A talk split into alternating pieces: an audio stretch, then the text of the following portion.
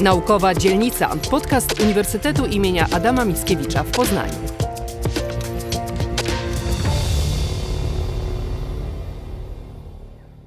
Wasza Magnificencje, Pani Rektor, Szanowne Władze Rektorskie i Dziekańskie, drodzy studenci, drogie studentki, drogie osoby studiujące na pierwszym roku. E, na pytanie zawarte w tytule dzisiejszej prezentacji, czy wolno jeść ludzi, większość z nas bez wahania odpowie, że nie i to z kilku powodów. Po pierwsze, w naszym kręgu kulturowym kanibalizm nie jest uznawany za dopuszczalną metodę postępowania ze zmarłymi. Mówię w naszym kręgu kulturowym, bo znane są nam niewielkie społeczności, na przykład w Papui Nowej Gwinei, gdzie rytualny kanibalizm był jeszcze do niedawna praktykowany jako pewnego rodzaju obrzęd pogrzebowy. E, społeczności te chorowały zresztą na kuru, rzadką i śmiertelną chorobę zakaźną spowodowaną przez priony, co prowadzi nas do drugiego powodu, dla którego ludzi jeść nie wolno. To po prostu niezdrowo. E, po trzecie wreszcie, większość, e, większość e, ludzi e, uważa, że kanibalizm jest nielegalny. W Polsce brak jest przepisu, który penalizowałby sam przez się praktyki kanibalistyczne, ale wielu prawników uważa, że kanibalizm stanowi przestępcze znieważenie ludzkich zwłok. Są jednak też tacy prawnicy, co trzeba też zauważyć, którzy uważają, że o ile spożycie innego człowieka nie wiąże się z pogardą wobec zwłok, to nie może być uznawany za ich znieważenie. E, oczywiście zupełnie osobną kwestią jest to, jak kanibal miałby zdobywać swój pokarm, e, no bo we wszystkich porządkach prawnych zabicie człowieka jest uznawane za jedno z najpoważniejszych przestępstw i w Polsce jest penalizowane w artykule 148 kodeksu karnego. Wszystko to powoduje, że ludzie generalnie nie jedzą innych ludzi, a już tym bardziej nie zabijają się w tym celu, Chyba, chyba, że zostaną postawieni przed sytuacją naprawdę ekstremalną. I taka właśnie sytuacja stała się udziałem czterech rozbitków ocalałych z katastrofy brytyjskiego statku Minionet. E, ich tragedia, którą za chwilę Państwu przybliżę, stała się też kanwą jednej z najsłynniejszych spraw w historii prawa karnego, sprawą, która ciągle debatowana jest na czołowych uniwersytetach w Polsce i na świecie, w tym także na naszej uczelni. E, historia ta wydarzyła się w roku 1884. E, wtedy to australijski prawnik i polityk John Henry Wand nabył e, w Anglii jacht Minionet. Łódź ta była zbyt duża, żeby można było ją transportować na pokładzie innego statku, zaistniała więc potrzeba przepłynięcia nią z Wielkiej Brytanii do Australii. W tym celu e, Wand wynajął czteroosobową załogę, którą stanowili Tom Dudley, Edwin Stevens, Edmund Brooks i siedemnastolatek Richard Parker. Statek e, wypłynął z Southampton i wypłynął najpierw, e, dopłynął najpierw bez przeszkód na portugalską Maderę, gdzie uzupełnił zapasy, a następnie udał się mniej więcej w kierunku przylądka Dobrej Nadziei. Nigdy tam jednak nie dopłynął. W lipcu w statek uderzył sztorm i 5 lipca w czasie próby zmiany kursu statek Minionet został zalany e, przez falę, która na tyle uszkodziła statek, że ten w ciągu 5 minut zatonął. Czterem marynarzom udało się uciec do szalupy ratunkowej, ale mieli ze sobą tylko podstawowe narzędzia, przyrządy nawigacyjne, dwie puszki rzepy i mały pojemnik z wodą. Sytuacja rozbitków była, no, trudno to nazwać inaczej, beznadziejna. Znajdowali się na otwartym morzu, mniej więcej około 1800 km od przylądka Dobrej Nadziei i 1300 km od Wyspy Świętej Heleny, na rzadko uczęszczanym, chociaż e, e, czasem jednak używanym e, szlaku handlowym. E, miejsce, gdzie mniej więcej się znajdowali, mają Państwo zaznaczone na mapie. E, co więcej, bardzo szybko zaczęło im się kończyć pożywienie i woda. Jeśli chodzi o jedzenie, no to puszki rzepy szybko zostały spożyte, a na otwartym morzu udało im się jedynie złapać czwartego dnia po katastrofie niewielkiego żółwia. Prócz tego do jedzenia nie mieli nic.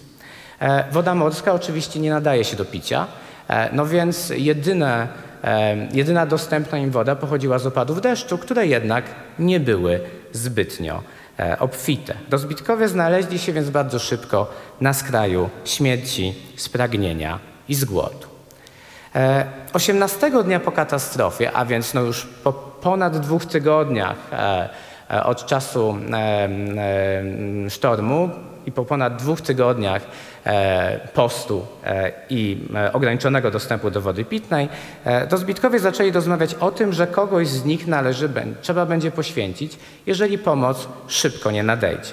Początkowo padł pomysł wylosowania ofiary, która to ma zostać następnie zabita i zjedzona, ale pomysł ten szybko upadł. 19 dnia Dudley i Stevens, a być może także Brooks, tego jednak nie wiemy, uzgodnili jednak, że jeśli pomoc nie nadejdzie wkrótce, to ofiarą stanie się 17-latek Richard Parker. Dlaczego padło właśnie na niego? E, po pierwsze, Parker w tym czasie znajdował się już w bardzo ciężkim stanie, najgorszym z całej czwórki, co było wynikiem tak wycieńczenia, jak i picia wody morskiej. Picie tej ostatniej uznawane było zresztą przez marynarzy za najlepszy sposób popełnienia samobójstwa na otwartym morzu, choć oczywiście nie mamy dowodów, by sądzić, że taka idea Parkerowi przyświecała. E, zabicie chłopca, który był zresztą okresami nieprzytomny i przez to nie uczestniczył w tych naradach, mogło być więc nawet uznawane za skrócenie mu cierpienia. Po drugie, Parker nie miał rodziny, był bezdzietną sierotą. E, co e, paradoksalnie przemawiało na jego niekorzyść. Oznaczało to bowiem, że w przeciwieństwie do Dudleya i Stevensa, e, od jego życia los innych ludzi, los rodzin mieszkających w Wielkiej Brytanii nie zależy. No i po trzecie wreszcie, czekanie na naturalną śmierć Parkera nie było dla pozostałych realną opcją.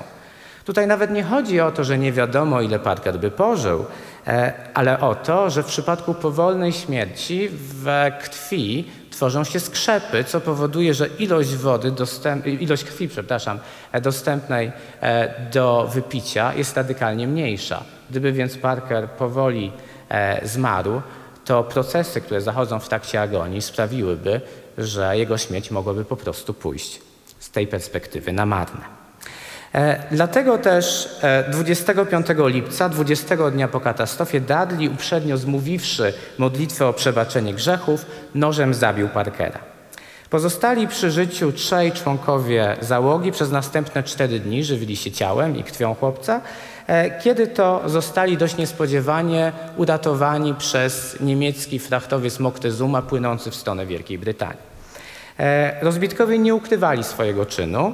E, uważali bowiem, że ich zachowanie było tragiczną koniecznością usankcjonowaną dodatkowo pewnym no, mało przyjemnym morskim zwyczajem. Co więcej, na ich życzenie szalupę ratunkową, w, które, w, której przez 20 dni przebywali, wciągnięto na pokład Moctezumy i dlatego obecnie dysponujemy jej zdjęciem. Tak widzimy to zdjęcie e, na prezentacji. Gdy jednak e, po ich dotarciu do Wielkiej Brytanii e, wieść o ich tragicznym losie dotarła do władz brytyjskich, zostali aresztowani. Dudley i Stevens zostali oskarżeni o zabójstwo, a świadkiem w ich sprawie miał być Brooks. Sprawa zyskała zresztą medialny rozgłos, to jest też czas e, bujnego rozwoju prasy, a rozbitkowie stali się jednymi z pierwszych medialnymi celebrytami. E, opinia publiczna opowiedziała się po ich stronie i zorganizowała środki na ich profesjonalną obronę. Jest to więc też jeden z pierwszych przykładów udanego crowdfundingu.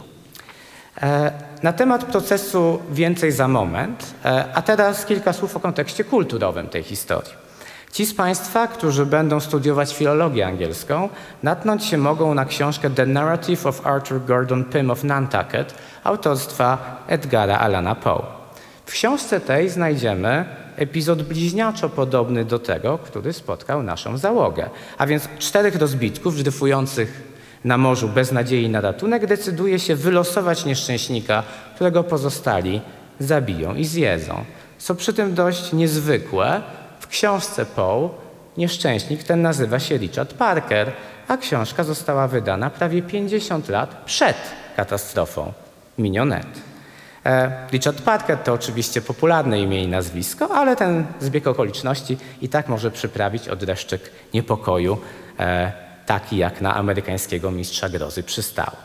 No i po drugie, Richard Parker pojawia się też w książce Życia Pi, Życie Pi e, Jana Martela i w filmie nakręconym na jej podstawie. Takie imię nosi bowiem w tych dziełach Tygrys Bengalski, z którym młody chłopiec uwięziony jest w szalupie ratunkowej dryfującej po oceanie i jest to już bezpośrednie nawiązanie do sprawy Dudley i Stevens. E, sprawa katastrofy Minionet może być jednak szczególnie interesująca dla tych z Państwa, którzy będą studiować filozofię czy prawo. Mówię tutaj o obu tych kierunkach, bo odpowiedź na pytanie, czy do zbitków należało ukarać, wymaga sięgnięcia nie tylko po argumenty o charakterze prawnym, ale także, a może nawet przede wszystkim, o charakterze etycznym. Spójrzmy najpierw na argumenty przemawiające za uniewinnieniem do zbitków, podnoszone zresztą przez obrońców w trakcie prawdziwego procesu. Po pierwsze, argumentować można, że rozbitkowie znajdowali się w stanie wyższej konieczności, w którym musieli zabić, aby samemu przeżyć. Takiej anormalnej sytuacji, możemy argumentować, nie sposób oceniać w oparciu o standardowe prawne regulacje. Można nawet powiedzieć, że rozbitkowie znaleźli się poza zasięgiem cywilizacji w specyficznym stanie natury, w którym normalne reguły przestają obowiązywać i nie sposób ich karać za walkę o przetrwanie. Po drugie, można też argumentować, że zabicie Parkera, bezdzietnej sieroty, e, było o tyle usprawiedliwione, że pozwoliło ocalić aż trzy życia, a uratowanie Dudley i Stevensa e, pozwoliło też dodatkowo ocalić od biedy ich rodziny. To argument utylitarny, chodzi tu bowiem o tak czy inaczej rozumianą maksymalizację korzyści w tej bardzo trudnej i tragicznej sytuacji. Obrona nie mogła przy tym e, posiłkować się argumentem z niepoczytalności. E, wiemy bowiem, że zabicie Parkera nastąpiło po kilkudniowych naradach, e, a Dudley zmówił najpierw modlitwę o wybaczenie grzechów, co dowodzi, że rozumiał moralny ciężar swojego czynu. Z kolei, jeśli chodzi o argumenty przemawiające za skazaniem oskarżonych, to pierwszym z nich byłoby uznanie, że zabójstwo niewinnej osoby jest czynem inherentnie złym, złym w każdych okolicznościach i nie może być, e, nie może stać się czynem moralnie neutralnym, nawet e, wówczas, jeśli przemawiałby za tym utylitarny rachunek zysków i strat. Można też podnieść inny argument nawiązujący do czegoś, e, co nazywa się utylitaryzmem reguł. Przyjęcie, że stan wyższej konieczności może uzasadniać zabójstwo, otwierałyby bowiem dla przyszłych podobnych czynów pewną furtkę, e, która mogła, m, mogłaby spowodować, że podobne czyny, skoro wiedzielibyśmy, że obowiązuje takowa reguła, byłyby popełniane pochopnie i bez należytego wahania, co obniżyłoby ochronę ludzkiego życia. E, te drugie argumenty ostatecznie przeważyły i Dudley i Stevens zostali skazani za zabójstwo. W uzasadnieniu swojego wyroku brytyjski sąd wskazał, co następuje, i tu pozwolę sobie na obszerny cytat.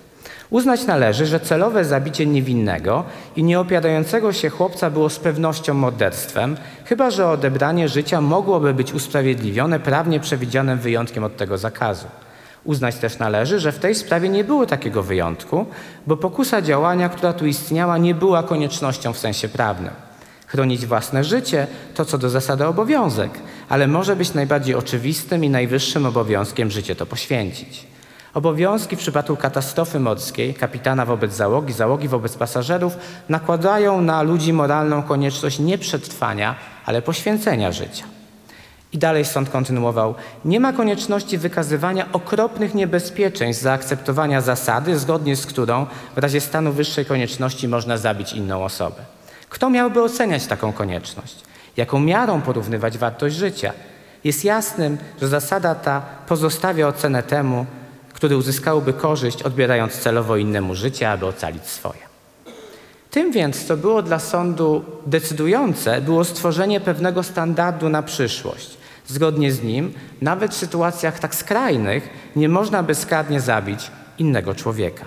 Z tego też względu sąd skazał oskarżonych za zabójstwo i wymierzył im jedyną możliwą karę przewidzianą wówczas przez prawo brytyjskie za zabójstwo, czyli karę śmierci. E, trzeba jednak dodać, że na wniosek samego sądu królowa Wiktoria skorzystała ostatecznie z prawa łaski, a rozbitkowie po pół roku opuścili mury więzienia. Dodajmy jeszcze, że w Polsce Dudley i Stevens zostaliby dziś najprawdopodobniej uniewinnieni. E, polski kodeks karny w przeciwieństwie do ówczesnego prawa brytyjskiego uznaje bowiem stan wyższej konieczności za okoliczność wyłączającą odpowiedzialność karną. Konieczne jest jednak spełnienie trzech warunków. Po pierwsze, musi chodzić o uchylenie bezpośredniego niebezpieczeństwa grożącemu dobru chronionemu prawem.